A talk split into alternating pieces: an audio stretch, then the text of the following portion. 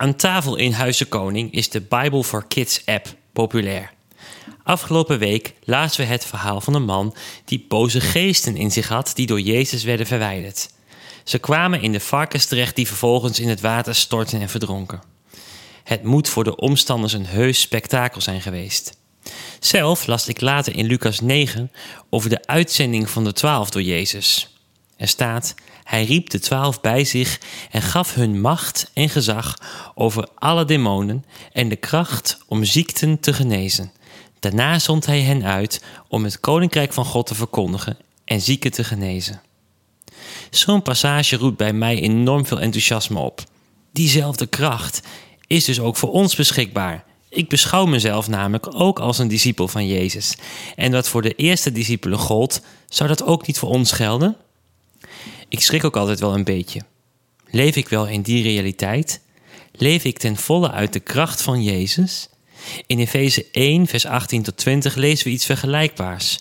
Mogen uw hart verlicht worden, zodat u zult zien waarop u hopen mag, nu Hij u geroepen heeft hoe rijk de luister is die de heiligen zullen ontvangen en hoe overweldigend groot de krachtige werking van Gods macht is voor ons die geloven. Die macht was ook werkzaam in Christus toen God hem opwekte uit de dood en hem in de hemelsferen een plaats gaf aan zijn rechterhand. Poeh. Ik denk dat we de genade van God tekort doen als we soms nog proberen vanuit onze eigen macht goed te doen voor God. Hoe goed bedoeld ook, het is toch altijd iets van beroemen op jezelf. Opnieuw geboren worden betekent dat je in Christus een nieuw iemand geworden bent. Niet dat je je best moet doen om op iemand te gaan lijken. In 1 Korinthe 1 vers 13 staat dat Jezus voor ons is geworden wijsheid van God en gerechtigheid, heiliging en verlossing. Hij is het voor ons geworden. We zijn het dus. Hoe staat het in uw leven als volgeling van Jezus? Is het een strijden om zo goed mogelijk te doen wat Hij vraagt?